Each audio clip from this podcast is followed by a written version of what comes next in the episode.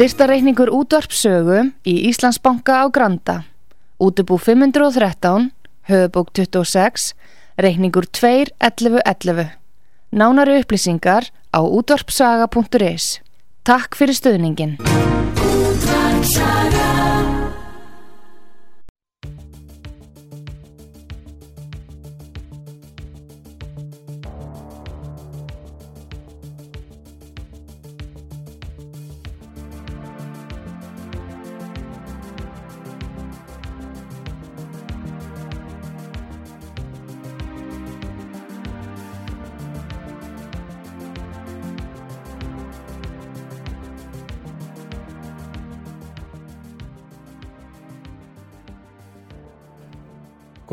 Hlustendur, komið í sæl, ég heiti Arnar Þór Jónsson og ég er komin hingað til þess að vera með stuttan útvarsþátt og þetta er nú í fyrsta skipti sem að ég sitt svona einn fyrir fram að hljónemann og þetta er partur af einhverju vegferð sem að ég sá ekki beint fyrir en lagði vissu lóta á í vor núna sem leið þegar ég ákvað það eh, án undirbúnings að henda mér í prófkjör og eh, freista þess að komast inn á þing og að láta rödd mín að hljóma á þingi en fyrst að það tókst ekki í fyrstu umferð þá er ég komin hinga til að láta rödd mín að hljóma hér á öldum ljósvagans. Nú þátturinn í dag er svona ekki eftir neinu sérstöku handriti og en það verður erfitt að klúra held í þætti sem er uh, sem að byrja með svona flottu stefi eins og við heyrðum hérna uppaði frá Ján Hammer svo ég gerir mitt besta ég eh, samþýtti þess að koma hérna í útvarpið en þess að ég vil gætna fylgja eftir grein sem að ég byrti í morgunblæðinu í dag og ég tel að sé já mikilvægt innlegg í umræðu sem að þarf að eiga sér stað. Ég hef eh, um margra ára skeið uh, skrifað greinar í blöð og tímaritt og Ég held að einhvern tíma taldist mér til fyrir stuttu að sennilega væri þetta orðnar einhverjar 800 blaðsýr sem ég hefði skrifað og uh, ég hef uh, verið kallaður ímsum nöfnum það hefur engin, uh, ef við mjög fáir eðna, mótmælt því sem framkemur greinum mínum efnislega. Ég hefur uppnefndur að vinstra fólki einhvers konar öfga hægri maður á þess að því fylgir nokkur raukstunningur en það er ekkert öfgafullt í mínum málflutningi og úr röðum, innan röðum sjást, ræða sjálfstæðarflokksins þá hefur verið kallaður hérna vinstri sinnaður. Og menn voru sumir ánæði með mig innan sjálfstæðarflokksins vegna þess að þeir töldu að ég væri að draga að fylgi fólks sem að veri vinstra megin við miðjuna í stjórnmálum og ég fagna þessu, ég hérna Mér finnst það bara ágætt helbreyðsmerki ef að mönnum gengur ekki vel að staðsetja mig í pólitíkinni. Og ég held að það sé bara holdt fyrir eh, mig og fyrir ykkur ágættu hlustendur að vera mitt með opin huga og hlusta eftir sjónamöðum sem koma fram. Og það er kannski akkurat merkurinn málsins í því sem að ég er að skrifa um í morgunblæðin í dag að eh, vara við því að við e, festumst inn í e, því sem við getum kalla bara stærilæti og hróka og uh, festumst inn í því að ímynda okkur að við höfum höndlað allan sannleikan vegna þess að þegar að það gerist þegar að menn uh, telja sig hafa fundið og höndla sannleikan þá er svo stutt skrefið í einhvers konar ógnar stjórn og valdbeitingu og rýtskoðun og þöggun og jáfnveil ofbeldi og fangelsun. Og þetta er allt stef sem að við þekkjum úr mannkynnsugunni og því miður nýleiri mannkynsug og því meður hér meira sér á Vesturlundum og uh, stór hluti íslensku þjóðarinnar og, og, og heimsins uh, var rauninni lifandi þegar þessar hræðilegu hreinsanir nazismans og kommunismans gengu yfir, yfir hérna heimsbyðina og uh, þess er ekki lokið enn. Og nú byrtist okkur svona ákveðin vá sem að ég er að vara við í morganum í dag og hef raunar vara við núni í mörg ár því að ég hef talið mig geta greintað undir niðri á bakvið þessa góðlegu ásjónu eh, gerfi frjálslindi sem við kalla það búi stórar stál uh, nefi og mjög hörð ásjóna valdsins sem að skeitir ekki um uh, einstaklingana og uh, hugsar miklu fremur um eitthvað sem hann kallar hóp og skilgre, tekur sér þá vald til að skilgreina sjálfu hver hópurinn er. Og þegar að slík uh, uh, hugsun hefur yfirtekið stjórnmálinn eins og mér sínist því miður að, að hættan sé að, að, að raungerast nú þá í raun og veru skipta einstaklingsréttindin svo litlu máli. Og þá finnst þeim sem að hugsa svona eins og ég var að lýsa á hann. Þeim sem að vilja hérna hag hópsins sem mestan en þá eru þeir tilbúinu til að fórna einstaklingunum í þá góðs málstæðar og við þekkjum þetta því miður úr svo mörgum ríkjum og svo mörgum stöðum og tímabilum sögunar nú hérna í dag og síðustu daga hafa til dæmis borist fréttir af því að frá Austuríki af, af öllum ríkjum sé nú uh, unnið að því að, að mismuna fólki og uh, unnið að því að sniðganga það sem að maður hefur þó haldið að væri einn ein af grunn undirstöðum stjórnar skráa í hennu vestræna heimi sem er uh, jafnbræði allra manna fyrir lögunum eins og kallar jafnbræðisagla að nú vinni austurík stjórnvöld að því að sniðganga hana og gera það í, undir yfirskinni þess að, að, að stæði heilbreyðis vá að þjóðinni. Nú, uh, til þess að það sé þetta réttlæta, mér finnst rétt að staldraðins við þetta, til þess að sé þetta réttlæta meiriháttar uh, mannréttindabrót, frelsiskerðingar og til þess að sé þetta réttlæta mismunun, það sem að rétt réttindi fólks eru skert og sagt við fólk að það siti ekki við sama borð og aðri sem tilhera öðrum hópum þá þarf eh, eitthvað meir en lítið að, að til að koma. Og það hefur þá til dæmis verið kallað eh, ég bara, sko, ef að tala um neyðar ástand eða undartekningar ástand þá þarf það að vera raunveruleg og, og sko, og nærtæk vá. Og uh, þegar maður horfið tilbaka núna þessi síðustu já, hvað er þetta orðnir? 20 mánuðir að þá leitar svo hugsun ítrekkað á huga minn og, og fleiri uh, að að hér hafi verið of langt seilst af hálfu stjórnvalda á Vesturlandum og uh, að það hafi verið stíð yfir mörg sem að við töldum að eitt að vera með einhverju móti heilög sem eru mörg til dæmis meðalhófs. Það er að segja að stjórnvald gangi ekki lengra en nöðsinn krefur Eh, gagvert frelsi borgarana. Nú eh, um þetta mætti tala eh, í löngu máli en í sko kannski örstutu máli af því að það er nú bara leðnar hérna fimm mínútur af þessum þætti að þá vil ég minna ykkur á það að grundvöllur stjórnarskráa á Vesturlöndum og sem að, sem að rekur rót sína aftur við sjáum þetta á prenti í, í hérna, bandarísku sjálfstæðiseyfylýsingun og bandarísku stjórnarskráni og svo reykur þetta sig aftur náttúrulega aldir til alls konar átaka sem við þekkjum frá, sérstaklega frá Englandi á fyrri öldum. Það sem að átaka línurnar snýrust um í því í samhengi voru þá einmitt átaka línur milli það sem við getum kallað borgaralegt frelsi og, og réttindi þá þegnana til að lifa e, sjálfstæðu lífi, til að hafa yfirráði yfir eigin e, hilsu og líkama og ferðum og, og, og egnum og svo framvegis, annars vegar. Og svo hins vegar réttur þá konungsvaldsins til að beita ímiskonar í hlutunum og yngrypum.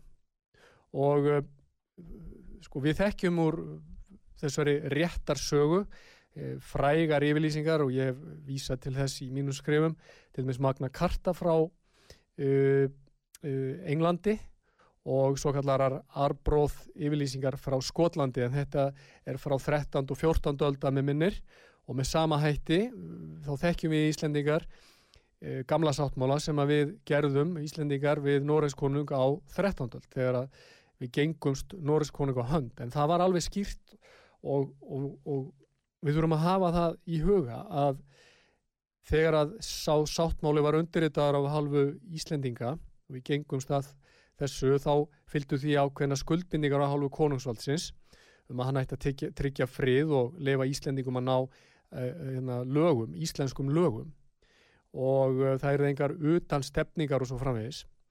En, uh, en á móti skuldbundu Íslendinga sig vissulega til þess að greiða skatta og svo framvegis en ekki til þess að búa við einhvers konar taumlausa einhver taumlaust ofríki.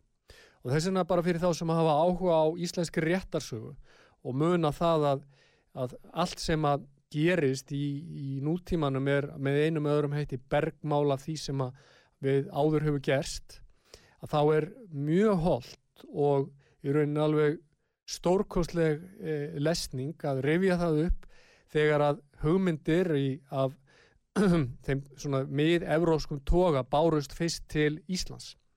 En um þetta má lesa í átnasögu biskups en það er lýsingin á því þegar að, er að hérna, sendi erindir ekki Norris konungs, ægilega fíl maður sem hafi farið sögu til Rómaborgar og kallaði loðin leppur, kom hinga með, með hérna, lögbók og lagði hana fram á þingin og sagði gjör svo vel, þetta eru nýju lögin.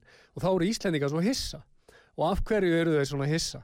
Vegna það er út af því að þessi aðferð við lag, lagasetningu hún samræmdist með engu móti hugmyndum uh, norrætna og germanskra manna um það hvernig lögin verða til. Og ég undistrykka þetta hér því að það er full ástæða til. Uh, þegar að loðin leppur leggur fram uh, þessa lögbók sem að hétt Játsíða, þá, þá er þetta í raunni bók sem hafi verið samin einhlið af fólki í erlendum borgum sem að Íslendinga þekktu enginn deili á og þetta voru þá lögjöf sem að þeir töldu að samræmdust ítla íslenskum veruleika. Og það er mjög áhugavert að lesa viðbröð, viðbröð íslenskra bænda og í rauninni alþjóðumanna þegar þeir standa frammi fyrir þessum nýja veruleika.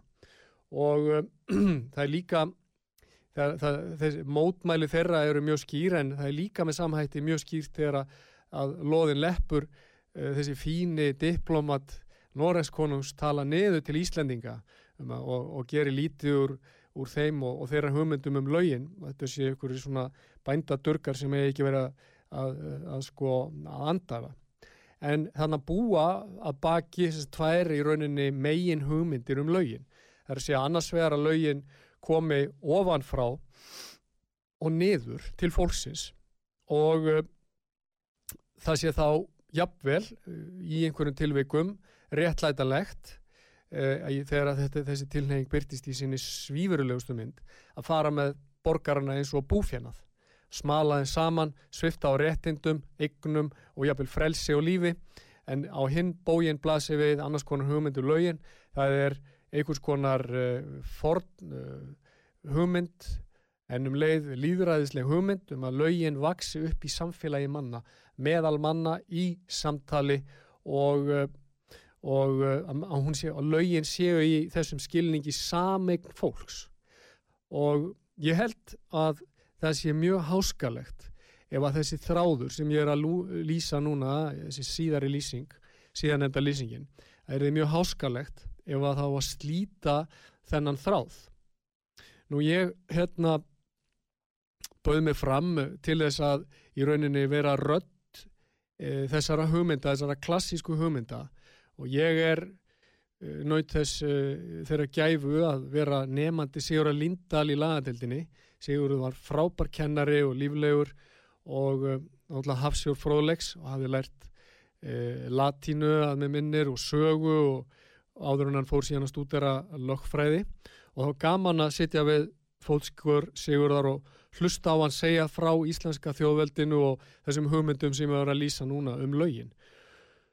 Og uh, ég hérna hef svona þessi hugmynd hefur svona leitað á huga minn í öll þessi ár sem að liðin eru og ég vil gera mitt til að færa þennan arf fram til þeirra sem að nú eru að læra lög og þeirra sem nú eru að vinna með lögin.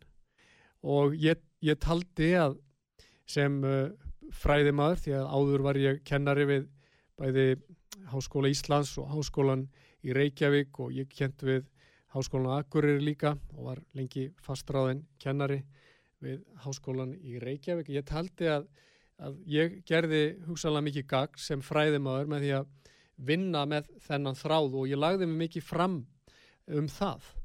Nú síðan þegar ég var orðin dómari, ég var hérastómari, þá vildi ég halda áfram að leggja mitt að mörgum til uh, líðræðislegar umræðu vegna þess að ég leit svo á að og gerir það enn að líðræðisleg umræða um lög uh, sé í raun og veru ekki bara réttur okkar sem að byggjum þetta land, heldur í raun og veru skilda okkar líka.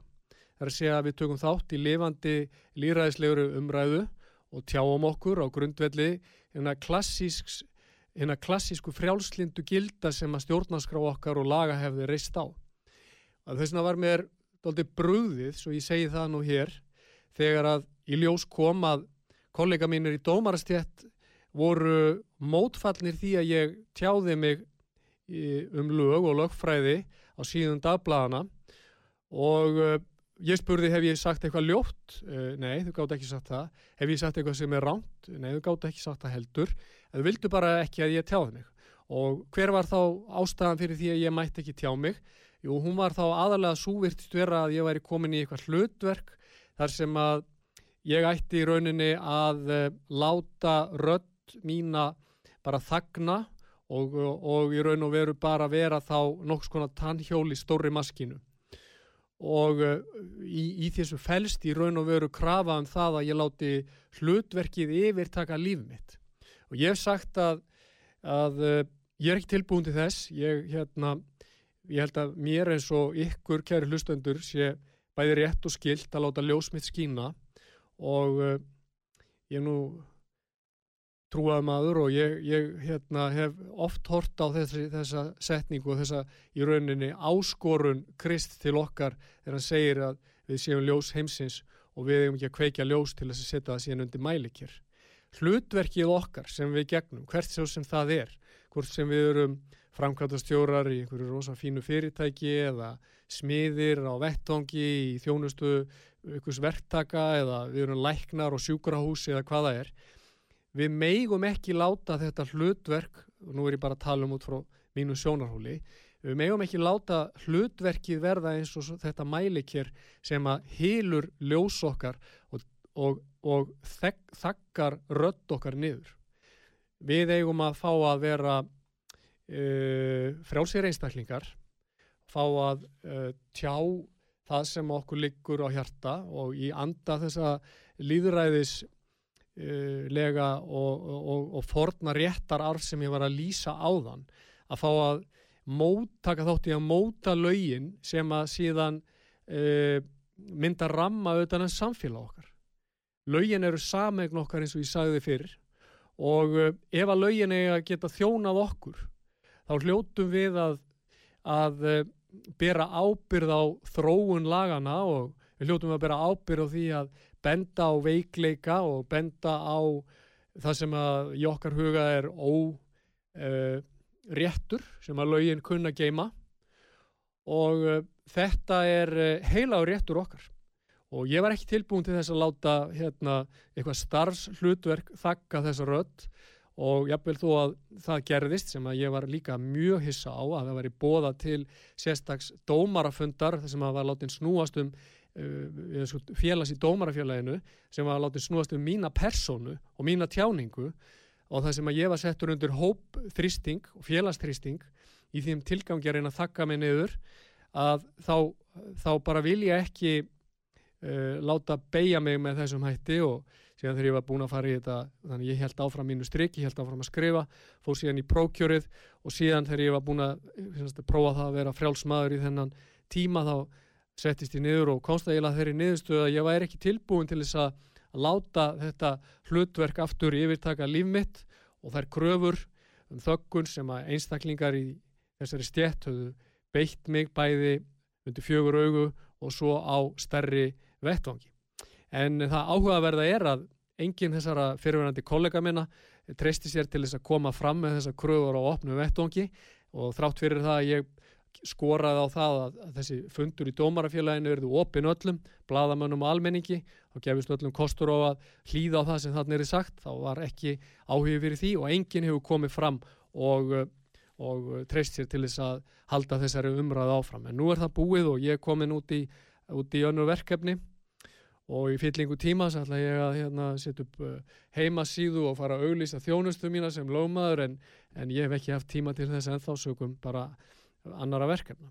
En uh, ég held að í ljósi sko, þess sem að ég er búin að vera að tala um, uh, um að ég nefndi frjálslindi og ég er að tala um frjálslindi í greininu minn í dag, það er að segja klassíst frjálslindi, að þá, uh, þá er það sem að í rauninni ógnar klassísku frjálslindi er það sem ég hef kallað gerfi frjálslindi og hvað, er, hvað á ég við með því? Ég hef útskýrt það á prenti og uh, ég hef, uh, ég held að sé best að skilja það út frá sérst, hugtaki gerfi frjálslindi, út frá því sko hvað er klassíst frjálslindi og uh, ég hef, sko, kona mín hefur orðað þetta mjög vel.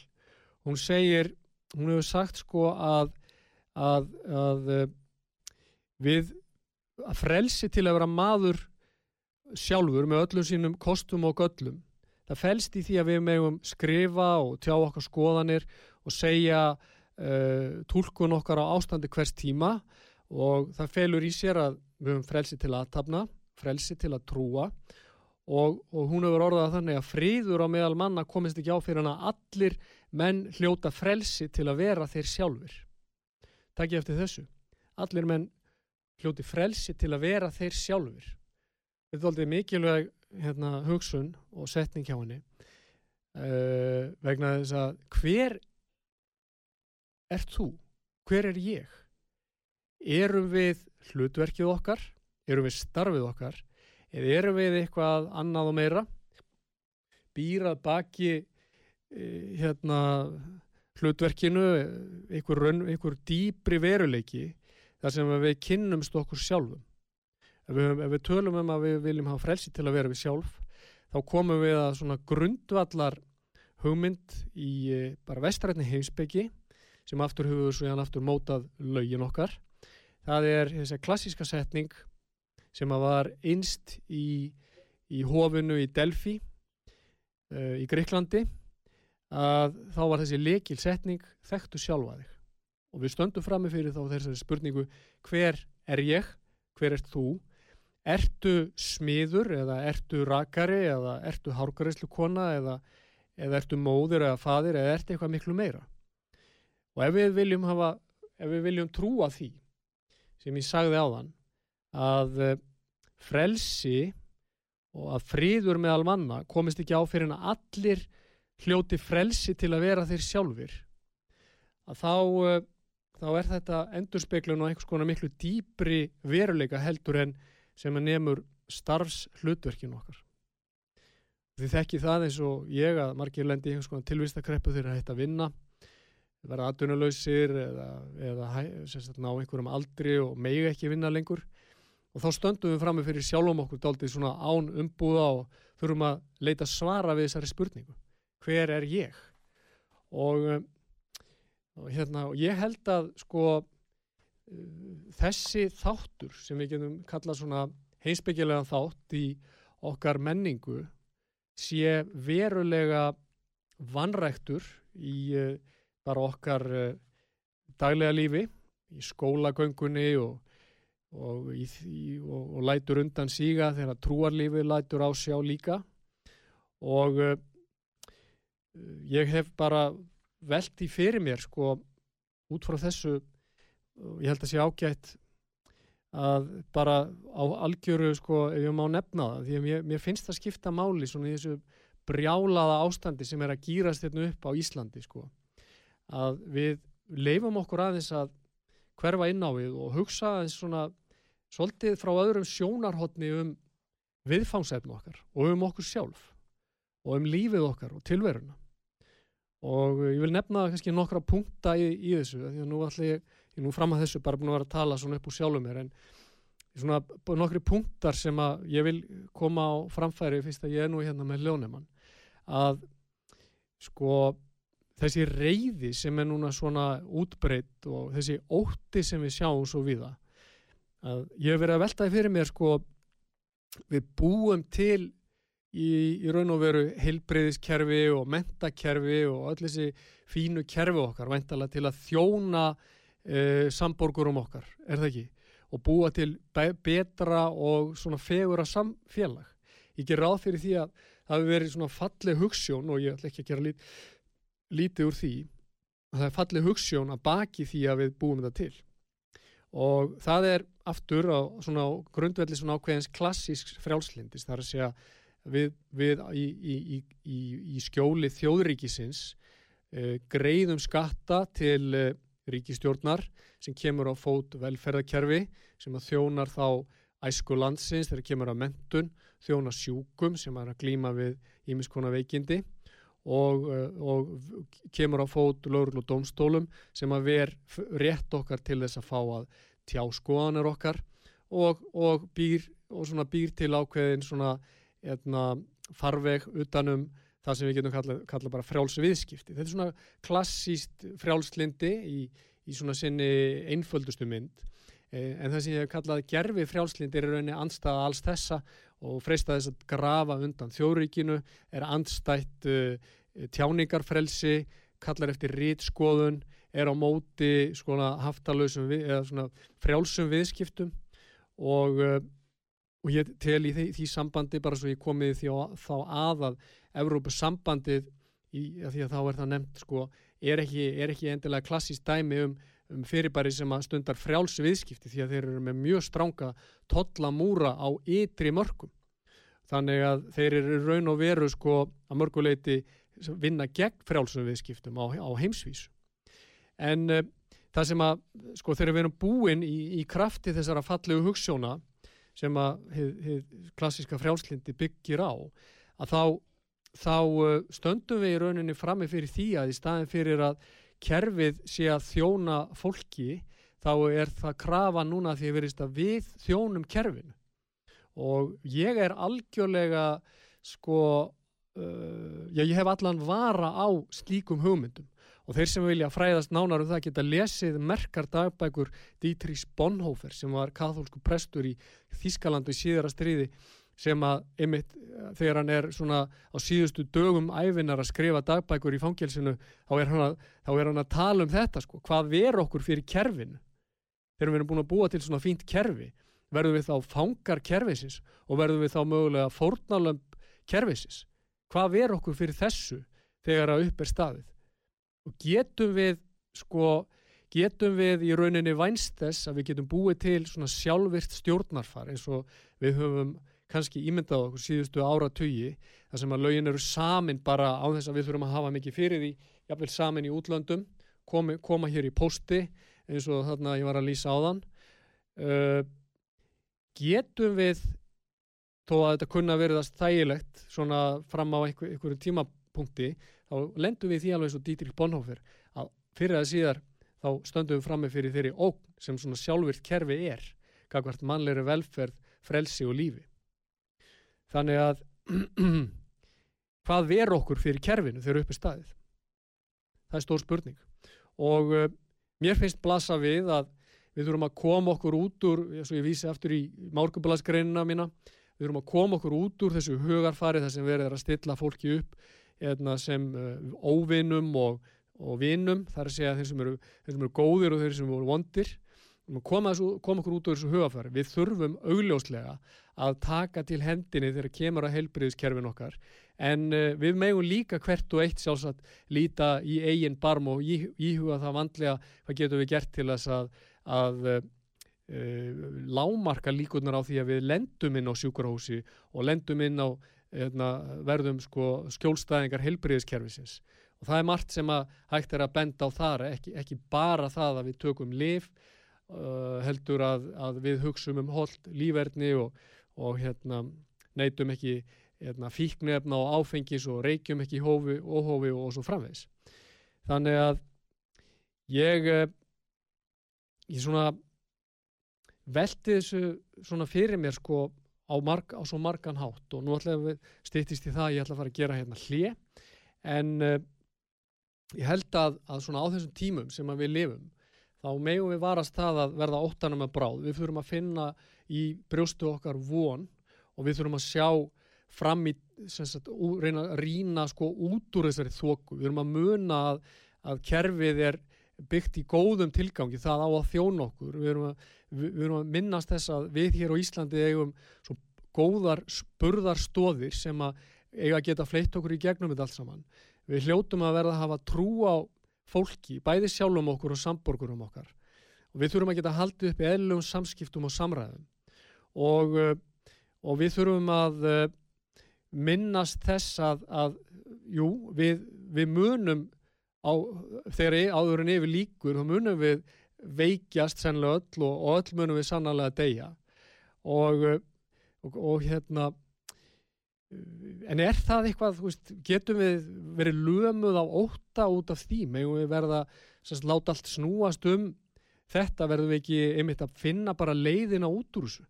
Og þegar að fólk glýmir við veikindi eða, eða fólk smitast af þessari veiru verðum við ekki þá að þóra sína ákveð hugrekki til dæmis í ummönnun þeirra sem eru sjúkir, ég menna ég heyrði af einu dæmum dægina sem að 14 ára unglingur er sendur einni íbúð uh, til þess að, uh, að, að vinna úr þessum veikindum sínum og, uh, og mátti dúsa þar einni í fleiri, fleiri daga. Þetta er nú ekki beint svona hérna, glæsileg lýsing á, á, nútíma vestrænu samfélagi. En það er það sem ég vildi kannski ljúka á hérna, fyrir auðvitað auðlýsingar hlý að, að minna á það að að sko, því að ég nefndi hugrekkið að, að hugrekki er eina af þessum klassísku degðum sem að hefur leiðið til grundvallar vestrætni menningu. Og, og hérna og hinnar eru sem hafa yfirleitt verið taldar upp eru viska, réttlæti og hófsemi. Og hugrekkið það miðar að því að, að eh, við eh, getum verið stöðug og styrk í mótstreymi og við höfum svona ákveðina stefnufestu þegar við leitum að hinnu góða og hugreikki styrkir okkur í því að standast freystingar og yfirstiga hindranir og gera okkur kleifta yfirstiga óta og mæta erfileikum sem okkur mæta. Og verða veið okkur og hérna viskan er, er önnur af þessum fjórum degðum og hún stiðst við helbriða skinnsemi og notar skinnsemina til að greina hvað er okkur fyrir bestu og velja rétta leið. Og Ég er ekki viss, viss um það til dæmis í þessum kórnafaraldri að við höfum notið leiðsagnar sko viskunar heldur sem að, sem að lítu breytti við svið því að mér sínist að við höfum notið frekar sko reytt okkur á alls konar sérfræði þekkingu sem horfir á viðfánsefni út frá rörsíni. Því að viskan er að þessu leiti betri, hún, hún greinir stöðuna út frá heldarmynd og og, hérna, og stýrir svona domgrendinni út frá því og ég vildi líka nefna þriðuteguna sem er réttlæti það fælst í því að, að hver og eitt fái það sem hann á skilið og uh, réttlæti lætur ekki vinda samtímans hakka sér og virðir rétt sérkvæsmanns og reynir að koma á samstillingu í réttlátu í, í samfélaginu og styðja að jafnræði millir manna og styðja því sem við kallum almanna heill. Þannig að það sem þeirra verið er að miða að betri samfélagsgerð þá séu hagsmunir allra teknir inn í þann reikning. Og að síðustu, síðast en ekki síst, þá nefn ég hérna hófsemi sem degðina sem að gerur okkur kleift að finna meðalvegin á milli tveggja öfga, þannig að ef við til dæmis tökum hugrekki sem dæmi, þá er hófsemin hjálpar okkur að finna meðalvegin á milli fíldir sko annarsvegur og hugleysis hinsvegar. Þannig að hófsemin er svona partur af því að nota degða siðfræðina sem svona áttavita í þessum rússibannas sem að mannleg tilvöra er og, og hófsemin hjálpar okkur að, að nota þá viljan til að beigja alls konar einhverjar kvatir sem að gera vartvísi hjá okkur undir, undir svona einhverja stjórn. Þannig að ofan á þetta síðan bætast síðan hinnar, hinnar hérna fáru degðir von, trú og kærleikur og ég ætla nú geti haldið heilan um, um útvarsþáttum um, þær en við höfum þótt að það skorti dálítið á það að við eigum umræðu, getur verið heimsbyggileg um þessar degðir og, og þá von og þá trú sem að þær færa okkur og við missum ekki sjónar af kærleikanum til hvers annars þegar að, að æsingamenn stíga fram á vettongin og vilja grýpa til hérna, alls konar ofríkis skakvært þeim sem að þá stundina eru óvinnsælir. Nú ætla ég að gera hérna stutt auðlýsingarlið og eftirlið kemur Ólafur Eliasson til mín og við ætlum að ræða málinn út frá ymsum hliðum. Ólafur gæt sér gott orð í, fyrir störf sín í þá Indi Fenshopsins og, störf, og þar með í, í þá þjóðarinnar. Og fróði menn segja mér að starf eh, hans og, og þeirra sem að þessu komi hafi spara íslensku þjóðinu 200 miljardar þeirra upp á staðið. Þannig að Ólafur er frjórhugsuður og ég ætla að leifa honum að tjá sig. Ég, bara þetta getur orðið gott útvarp þegar við tveir leggjum hérna saman. Það voru gott að hlusta á hann. En nú gerum við hlýja, takk fyrir.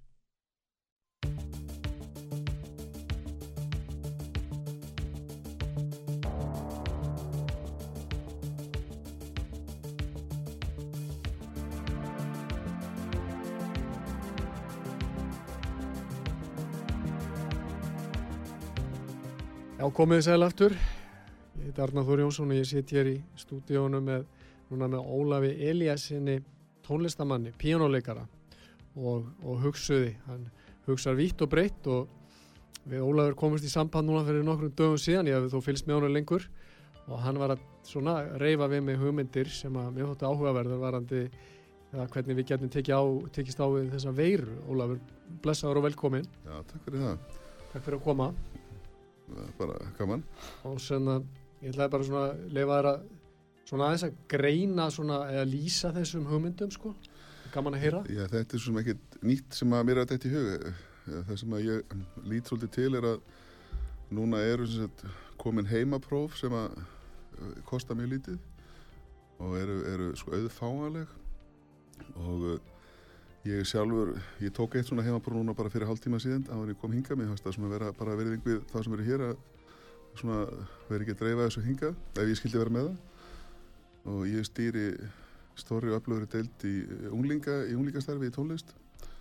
Og ég var með 20 manns í húsinu í gær og ég baði alltaf um að taka test heima, ég veit ekki hvort allir hefa gert það svo þannig að það likur fyrir að við erum að taka þessi próf, heimapróf í gríðala miklu mæli og þau eru til og þau kosta lítið en þessar prófanir sem við erum núna að gera að það eru algjörlega ómarkvísar þegar ég testaði mig morgun svo geraði einhver annar fyrir fimm dögum svo einhver annar að gera fyrir einhverjum eh, dögum setna og á milli þessi erum við að smita hvort annað veist, þannig, þannig svona eina lógiskasta niðurstana mínu hvernig hægt verður að nota þessi heimapróf með einhverjum svona skynsalögum hætti væri væri svona þjóðar átaka eða eitthvað svona mjög skýrt að allir Íslendinga prófuðu þessi bara allir á sama deginum.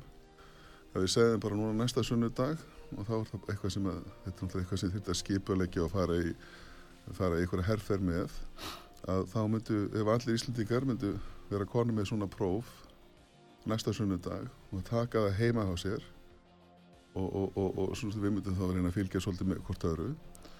Og svo mætti taka prófið aftur 50 og setna og ég tel mikið að raukstuðt það nokkuð vel að ef að þetta er gert svona að þrátt fyrir þessi heimapróf sé ekki eins nákvæm eins og þessi próf sem eru nótuð al, almenn þessi PSR próf og þrátt fyrir það að þáttaka almenni sværi kannski ekki nema 70% að þá til ég, til ég að, að, að það myndi vera nót þess að ná það mörgum smitum í samfélaginu. Það var að rekja restina út frá þeim mm. og það sem ég gengur til í þessu ég er ekki hugsa um að útrýma verinu samfélaginu alveg endilega en ég er fyrst og fyrst að hugsa um jólin uh, að ef að hægt var að ná þessu niður í samávækkin eitt núna og kannski tveim, einni, tveim vikum með þessum hætti og bæði uh, bara til þess að koma þetta er algjörlega óýþingjandi aðgerð að þú heima hjá þér sittir, gerir þetta tviðsvar sko og þá er hugmyndið svo að að jólinn getur kannski orðið eðlileg og ég, ég finnst við Íslandingar skuldum svolítið þessu fólki sem er fært kannski mestar fornir í, hérna,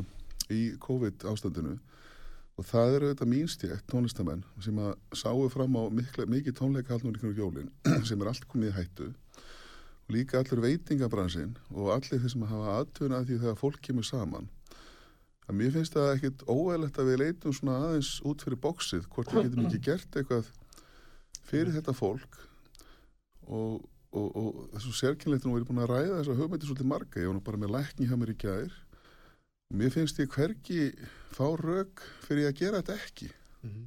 Ég er svolítið hrifin af því þegar, þegar hún nefnir þetta sko að, eh, að þessi óýþingjandi að má ég sko skilja þetta þannig þá að í rauninni sko fólk gerir þá bara treyst til að taka þessi próf heima hjá sér og við, við værum ekkert að tilkynna það sérstaklega til hins opinbara Jú, jú, jú. Myndur þú vilja það? Já, þú, já, sko allir sem mælast positífir þeir náttúrulega fara þá í kjölfarið í alvöru PCR-próf og, og, og, og, og svo í smitrækningu Já, en, en er uh, að þínu viti sko er uh, einhver hætta fólkin í því út frá svona bara svona frelsissjónamöðum að við séum að gera frelsi okkar einhvern veginn skilirt eða við séum að, að sem sagt uh, kaupa frelsi okkar með því að undirgangast svona einhvern uh, sáttmála við ríkið um þetta er ekki hægt að stóla á það að fólk taki svona próf heima hjá sér og haldi sér svo heima án þess að fara síðan í eitthvað áframhaldandi PCR-próf.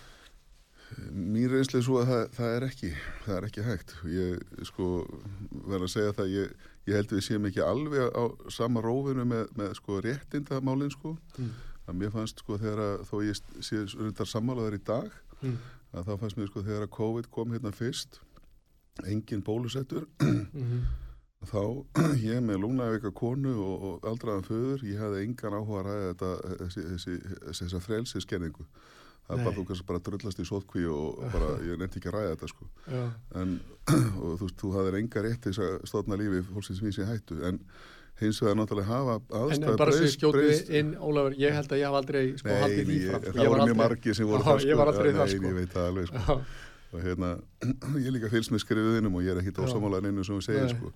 en ég hins vegar en núna eru bara aðstæða svolítið aðrar það er náttúrulega miklu fleiri gotni bólusettir og það er náttúrulega miklu fleiri sem, sagt, sem að veik, sko, þeir sem veikjast verða miklu minna veikir kannilega og ég, það er alveg hægt að taka undir með þeim sjónamöðum að hvena kemur að því að, að, að, við þurfum bara að leifa þá nokkur um að deyja.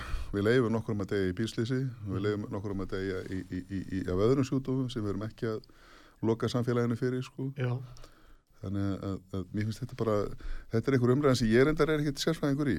En, en það sem ég er að segja er að ef þú hugsaður þetta aðeins, og nú er ég búin að sita núna með kannski svona tíu manns, búin að ræða þetta við lækna og tölfræðinga og, og mér finnst alltaf, ég ætla að byggja þeim að skjóta þetta í kaf, vegna þess að mér finnst alltaf því ég se- setja þessu fram- hugmynd fram, þá finnst mér allir fara frá því samtali að þeir skilja ekki í því að hvort það sé ekki gert. ég, Ég, Ég- fekk, ég fekk skeiti frá, frá tölfræðingi á hann sem sagði að þetta var nú reynda gert með góðum árangur í Kína. já, Kínverið hafa gert þetta. ok, Og þá er ég að tala um það sko að í staði fyrir að vera að testa svona histobast já, og leifa svo smitunum að dreifast bara á milli, á milli þú veist ekki að það er ekki að testa á sama tíma sko. akkurat, Að, að þá hef ég, ma- ef ég mun nota alveg rosalega uh, uh, vonda samlíkingu.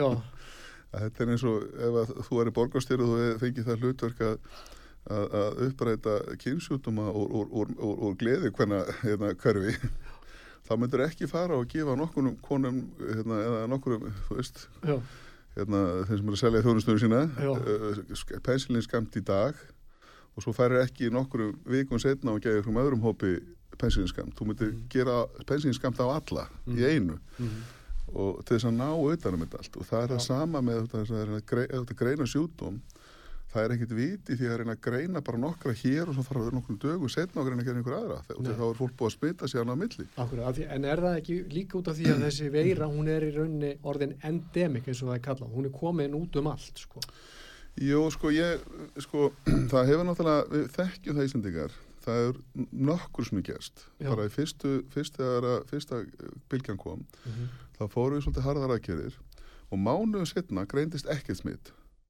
og við vorum alveg smitlaust land. Já. og svo voru landamærin opnuð vegna þrýstings frá ferðarþjónustunni og þá fóru smittin að koma upp aftur. Og þá var tekinn annar. Og það tók svona aðeins lengri tíma þá að ná þessu niður. En það er augljóslega hægt að ná smittum út ég held þess að við séum núna á þeim punkti að við séum bara, þetta er bara búið. Það er, að, það er þriðja bólusningin er að koma og, ég, og se- sennilega eru ný bóluhefna að koma við þessum nýju afbreyðum svona á næstu mánuðum. Núna finnst mér þetta bara snúst um jólin. Já, það má, má snúið þannig og, en ég held að við þurfum líka að hafa svona ákveðina langtíma sín er það ekki um það hvernig við ætlum bara að halda áfram að lifa í landinu og vera með atvinnulíf og, og svona gæta bara já, skólahaldi og öðru slíku sko. Við þurfum að, við þurfum að læra að lifa mæntalega með þessari veru akkurat. sko og það er kannski það sem er kannski búið að vera svona Og- uh, gott í slæmu að, að, að sko ég, ég man að þegar svínaflensan kom og þá var ég mjög ósáttu við hvernig brúðust þar við henni. Já, vegna þess að það er búið að vera á válista saminu þjóðana í áratvíi hættulegu veiru sem geti, víru sem geti dreifst um hinsbyðina. Mér fannst í svínaflensinu vera mjög lítið gert allan að meðan almennins og meðan stopnana, ég veit að það var gerð viðbrasállin sem var svo kyrt út frá þegar þetta byrjaði núna. Mér finnst mjög lítið hafa verið gert þá til þess að sko undibú okkur undir næstu mm. og eins og núna erum við, þú veist, það er búið að gera mjög margt núna sem að er mjög heppilegt að hafa verið búið að gera ef að sagt, næsta veira kemur sem að, sem að er alveg örugt að muni koma. Við, við, það er bara alveg örugt. Bara Já. hversu, og svo hún getur orðið miklu verri. Hún getur orðið Já. miklu verri sko, sko, næsta væri að getur orðið þannig Já, að við báðið værum samþykið því að lauruglan fengi hervald og mætti skjóta í hausinn hvert þann sem að bryti sótkví ég það er geti, ef, ef að vera myndi Já. drepa 70% já, þeirra sem já, fjara já, já, ég meina við skulum það, þú, veist, þetta er bara sko, við, sko, ég er mikill sögu, sögu áhuga maður já, sko þetta sem við hefum upplifað sko síðan 1945 svona allan okkar heimsluta svona frelsi og, og, og þægindi bara þetta er bara óþekkt nokkuð starf annars starf í menginsögunni þetta er hérna algjört frávik frá Já. öllu sem við þekkjum. Ha, öllu þessu ofbeldi og allræði sem Ég við þekkjum við í, í en ég, ég vil líka bara skjóta inn Ólafur að sko það, þegar að menn svona tala um uh, frjálsræði sjónamið og eitthvað svona sem eitthvað afga hugsun að ég, ég er alls ekki þar. Ég, ég er sko hlindur því að við verjum auðvitað frelsi borgarnis og hætti er en höfðum auðvitað til uh, sko samfélagslegar ábyrðar og, og trúum því að borgararnir geti axlað samfélagslega ábyrð til dæmis bara með því að mynda sér frjálsa skoðun og taka þátt í kostningum og bjóða sér fram í stjórnmálum og svo framvegis. Við mögum ekki umgángast fólk eða svo sko búfjönað og uh, en sko þess vegna er ég hrifin af hugmyndinni ef að og ég, og ég, ég er, ég er hérna því þú baðst mig um að skjóta hana niður að ég, ég vil eiginlega ekki skjóta hana niður því að ég, var- var svo hrifin að því þegar ég sá þetta að, að ef að vera hægt að formúlera þetta þannig að við gætum í raun og veru höfðað svona til borgaralegar ábyrðar fólks uh, og, og alveg öfgalaust sko, ég er ekki neitt öfgamaður í þessu. Hérna, fólk sko umgangist frelsi sitt af ábyrð þannig að ég, ég hvorki tristi mér til nefn vil skjóta niður hugmyndina, hún er að mörgu leiti bara mjög, mjög fín ég, sko. sko lækna síðan tala við þegar byrja strax að tala um sko ónákamni prófana. Og síðan líka það logistikinni að fá allar til að taka þátt sko, það er náttúrulega eru hérna eru sko 20.000 erlendra þetta er á landinu sem að kannski erfið að ná í og einhver alls konar svona minni hlutahópa sem er kannski mm. asískar samfélagi hver tala við það og svo það er svona alls konar hópa sem þyrfti þá ná líka til mm. svo þurfti náttúrulega fyrirtækin svo að taka þátt í svona hóteleigendur, þeir þurfti að vera þá með eitthvað testir í, í hótelunum sínum skilju lobbyum og Mm. þetta er náttúrulega svolítið prósess sko Mm. en, en, en eins og ég sé þetta þá, þá er það að gera svona heimatest tvisvar á, á stuttum tíðanbíl á saman tíma þetta er miklu sko minna batteri Já. og líklegt til að skila árangri Já, eftir því sem ég kemst næst miklu betra, allan að betra heldur en sem við erum að gera núna. Já, og þetta er miklu minna íþingjandi fyrir alla. Og ég, ég er nefnilega er með þér sko, ef, sko, ef þú ætlar að taka þú verður náttúrulega að taka tillit til þess hversu langt um átt ganga, hvað hagsmunum sumra til þess að verja aðra hagsmuni. Já. þarna er ég að benda á list sem að gengur bara á ekki á neitt nákvæmlega. Já, Þa, það er ekkit það er ekkit að, það er ekkit að ganga rétt inn að byggja um að setja hérna, pinna upp í nefaður og, og, og, nei, gerum þetta heima og, að bara, þetta er bara hluti af því að einmitt að vera ábyrgur sko, það má alveg hugsa þetta þannig prófið kostar ekki neitt, kostar 500 kall, eða Já, ekki? jú, og, auðvitað væri eðlilegast að ríki myndi bara dreifa svo heimili sko. Já, ég meina það er hver, sko sá kostnaður er hverfandi í samanburði við margt annað sem við erum að gera núna. Já, sko taka þetta sem dæmi að, að mentaskóla ár, árið fyrir heilri kynnslóð. Já. Ég var að tala um þetta og reyna, ég talaði algjörlega fyrir döðu meirum. þessi próf hafa verið lengi til og hefur hef verið pantu snemma, bandaríkjastu mm. panta þetta sko í uppaði faraldrins Já. einhverja miljónir og þá voru þeir að borga þrjár, þrjá dólar á, á testið einmitt. og ef við hefðum síðasta bara fyrir ári síðan panta kannski veist, eina miljón svona testa Já, þá hefði það verið ein miljón sínum 500 kall, það hefði 500 miljónir einmitt. fyrir þennan pening hefði kannski hægt að halda allum mentaskólum opnum. Já, en sýnir þetta ekki hérna í nótskurt mikilvægi þess að við, við hugsum út fyrir kassan, ok, þú nefnir ákveðnar áskoranir, það er að ná til ákveðna hópa í okkar samfélagi og ég held að það sé út af fyrir sig bara viðfánsefni, ekkit endilega vandamál, við, við, við gætum gert það, Já, en bara þetta, einmitt, þetta, þetta, hvað þetta sýnir mikilvægi þess að hugsa þess út fyrir kassan, hugsa í lausnum og hérna og, og, og beinir okkur sjónum okkar að því hvað, hvað er mikið tilnefing hjá fólki til að sópast með sko með fjöldanum. Og í þess aðdánuvert í mitt í þessu indifensmáli sko þá síndu þið ákveðina svona frjóa hugsun og öðruvísi hugsun sem að svona varpaði ljós á viðfánsefni þess tíma í svona út frá öðru sjónarhóttni sko sem var svo mikilvægt. Þetta er þú tala um bara átt okkar indifens gegn Já. æsirsamningunum já, að Jú, sko þar, þar, þar var akkurat þetta.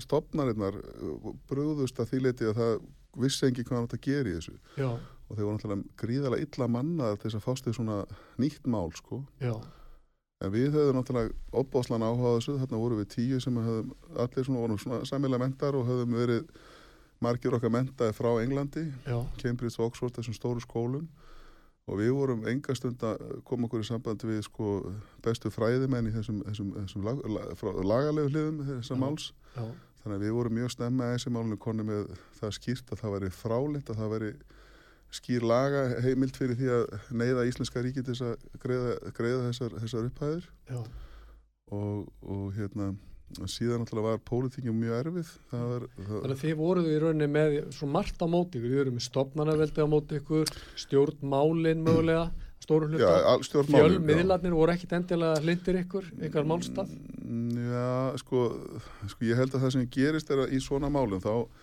það er svona eðlilegt að svona establishment eins og ríkisútvarpi sjóarpi og þeir, að þeir takinu kannski aðeins meira marka á sko fólki sem kemur ráðanetunum Já, heldur en einhverjum hópi af einhverjum, einhverjum fólki eins og mér já. En veistu það er Þannig að mjög áhugavert, ég, ég, bara, ég er búin að pæla þetta aldrei í þessu, mm. semst út frá mínu starfi að ég var dómar áður. Akkurat Við fórum að skoða þetta, þú veist að nefna sko hérna myrku sögu jú. að þegar allræðistjórnir komast til valda, þá nefnilega hlýða dómstólarnir, dómararnir, bara nánast án undantekninga. Þeir byrja að dæma samkvæmt nýju lögum allræðistjórnarinnar. Já, Þetta er bara þekkt munstur. já, já. Og það er svo fáir sem að standa upp og hugsa öðruvísi. Já. Manstu þetta strumpalæginu hérna, hérna þegar þeir eru að syngja saman og þá segir einn, hei þú strumpar falskt, þá segir hann, þá segir nei ég strumpa bara öðruvísi. Og hérna, og svo heldur hann að syngja sína laglinu. Þú okkar ílega bönn og við þurfum að finna fólkið sem strumpar öðruvísi og hjálpa þeim til að koma fram og, og, og mynda einmitt svona einhvers konar eðna, hvað er fína íslensk orðið Þank, hvað er think tank svona á íslensku einhverja svona fólk geti komið saman hugsaði með lausnir Akkurat, hvað er þessum vanda sem við stöndum fram með og eins og núna, mér finnst það svo skrítið að við erum að vera í þessi 18-20 mánu og það er rauninni, þetta snýst allt í rauninni bara um sjónar með, eitt sjónar með sko, sótarnalæknis, með fullir virðingu fyrir honum. Ég, ég er ekki að segja hans ég, ég bara hef, ég trú á því að hann vilji vel og allt það en við þurfum að, hann þyrti sannlega hjálp með því að það kæmu fleiri að, með fleiri sjónamið og, og, og hugsuði í svona lausnum um hvernig við gætum hjálpast að út Jú, en þetta er bara opbáslega vinna og, og ég skal bara, eins og þetta núna ef ég ætla að fara að tala við sóttatalengið um þetta Já, þá myndi ég aldrei fara til hans nema að vera hérna með kannski þrjá, fjóra tölfræðinga Já. sem myndi segja, ok, þeir, prófum þurfa að vera svona og svona nákvæmt til þess að náum við um þetta, þetta mikið, lala, þetta helst að vera einhver mjög skýr skýrsla með skýrum ingangi svo þyrfti ég að fá einhvern, einhvern uh, sérfræðing frá, frá hérna, björgunarsveitunum sem hefur, á, sem hefur kem, kemur að skipaleggingi svona hvernig getur dreift hlutnum og hvernig að koma þessi hús og þú veist, þú veist, ég, veist, ég myndi aldrei geta sannfært Þórólf Nei. nema ég væri með eitthvað svona strong backup eða stert backup já.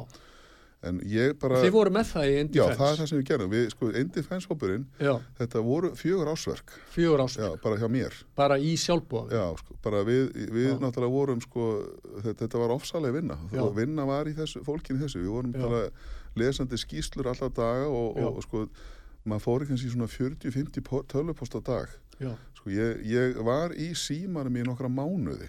Bara, í, bara ég fór á fætur, voru með aðstöði hjá Alþingi hérna í upphafi. Mm og hérna og við, sérst, ég, þetta var bara að vinna frá, sko, frá því ég vaknaði og hann til maður að sopna og yfir þetta voru, sko, við vorum með þessa reglu að það mátti enginn fara með neitt í fjölmeili að segja eitt eða neitt nema allir í hópnum væri búin að sam, eða átni samanlaga -hmm. og það þýtti það að allir fundir endur svona þrjú og nótt, sko, vegna þess Já. að reyfumst um þetta alveg, sko. Já, nú, þetta er, góð, þetta er svo góð hérna, gott að rifja þetta upp vegna þess að nú sé ég á okkur tímum núna í tegnslu þess að það er fullt af sko velmeinandi fólki og greindu fólki sem að er einmitt bara vakandi fram á nætur að re, lesa greinar og skýslur og rannsóknir og, og er að gera þetta í rauninni bara af áhuga. Og ég bara, af því að við höfum nokkra mínútur eftir, kannski tvær myndir eftir þætti að kannski bara má kalla eftir því eða hvetja fólk sem er svona bara vill af yfirvegun og, og velvilja í gard samfélagsins hérna, leggja sitt að mörgum að koma saman og eiga samtalið um það hvaða hugmyndir við gætum sko fundið til að koma okkur út úr þessu við erum lítið samfélag, það er já, já. og fámenn þjóð í stóru landi en það er ekki bara vandamál í því Ólafur, það er líka verið ákveðin tækifæri í því Það er bara dásalegt, Ísland bara, þetta er bara, frábært. Nei, Já. ég meina við, sko, mín tillega er þessi, Já, að við öll förum í smá kampæn til þess að bjarga jólunum, ekki til þess að losa við vírusin fyrir fullt og allt, til þess að bjarga jólunum, að það ákveður Þórólfur og hans teimi eitthvað dag, getur að vera mánudagur eftir viku eða eitthvað, það sem við öll náum okkur í heimapróf eða okkur er sendt heimapróf, við testum okkur öll á sama eftir með deginum og auðvitað þeir sem greinast, þeir fara það bara sér frekari test og svo þá smiðdækningu sem að hæfir. Og svo gerum við þetta aftur 50 og setna og síðan myndi landlæknir sjá til þess að væri gerð stikkpröfu úr, úr þjóðinni, kannski 3000 te- þessar random hérna, síni tekin. Og þá kemur í ljós hvort þetta hafi virkað. Og ef þetta hefur virkað að smitin séu hverfandi að lítil þá getum við bara að opna fyrir jólin og getum haldið hlaðborðin okkar og getum haldið tónleika og farið í líkansættin og allt þetta. Nú ef þetta misetnast vegna lélæra þáttöku og eitthvað er þá samt ekki betra að hafa náð í öll þau smitt sem maður náðist á í?